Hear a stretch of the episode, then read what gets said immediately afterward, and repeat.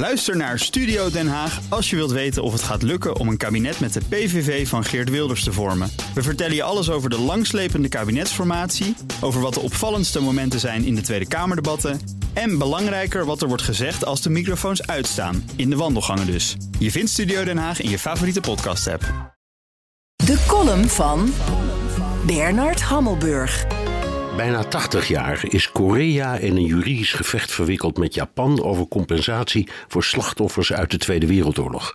Het is een gevecht dat Nederlanders uit voormalig Nederlands-Indië onmiddellijk zullen herkennen. Japan weigert al die tijd excuses aan te bieden voor de verschrikkingen die het in bezet gebied heeft aangericht en een schadevergoeding toe te kennen aan de slachtoffers. Zuid-Korea heeft nu de knoop doorgehakt en gaat de slachtoffers zelf compenseren. Nederlanders ondergingen gruwelijke verschrikkingen in de Jappenkampen en bij slavenarbeid bij de aanleg van de Burma-spoorlijn. Omdat Japan consequent excuses en smartengeld weigerde, klaagde in Nederland de Stichting Japanse Ereschulden onze regering aan, die slachtoffers en nabestaanden een excuus en compensatie verschuldigd was. Dat kwam er niet, al geeft de stichting niet op. Koreanen hebben zo mogelijk nog meer geleden, omdat het schiereiland sinds 1910 door Japan was gekoloniseerd. Na de Japanse inval in Manchurije in 1931, het Japanse begin van de Tweede Wereldoorlog, werden honderdduizenden Koreanen ingezet als slaven voor Japanse bedrijven zoals Nippon Steel en Mitsubishi en als seksslavinnen in door het leger gerunde bordelen.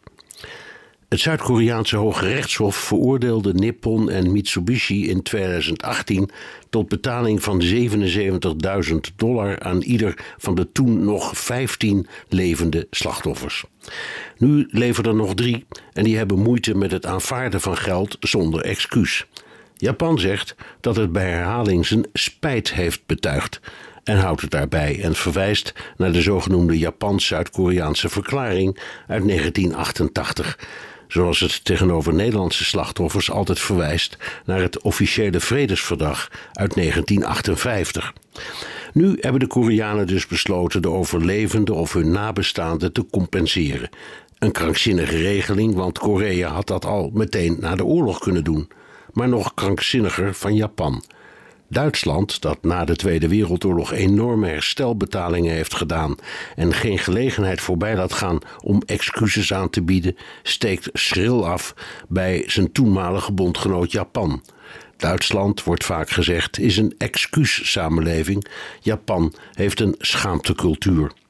In elk geval is Amerika dik tevreden met de Koreaanse regeling. Joe Biden noemde het een baanbrekend nieuw hoofdstuk in de betrekkingen want die denkt aan de bondgenoten in de dreigende conflicten in de Zuid- en Oost-Chinese Zee en over Taiwan.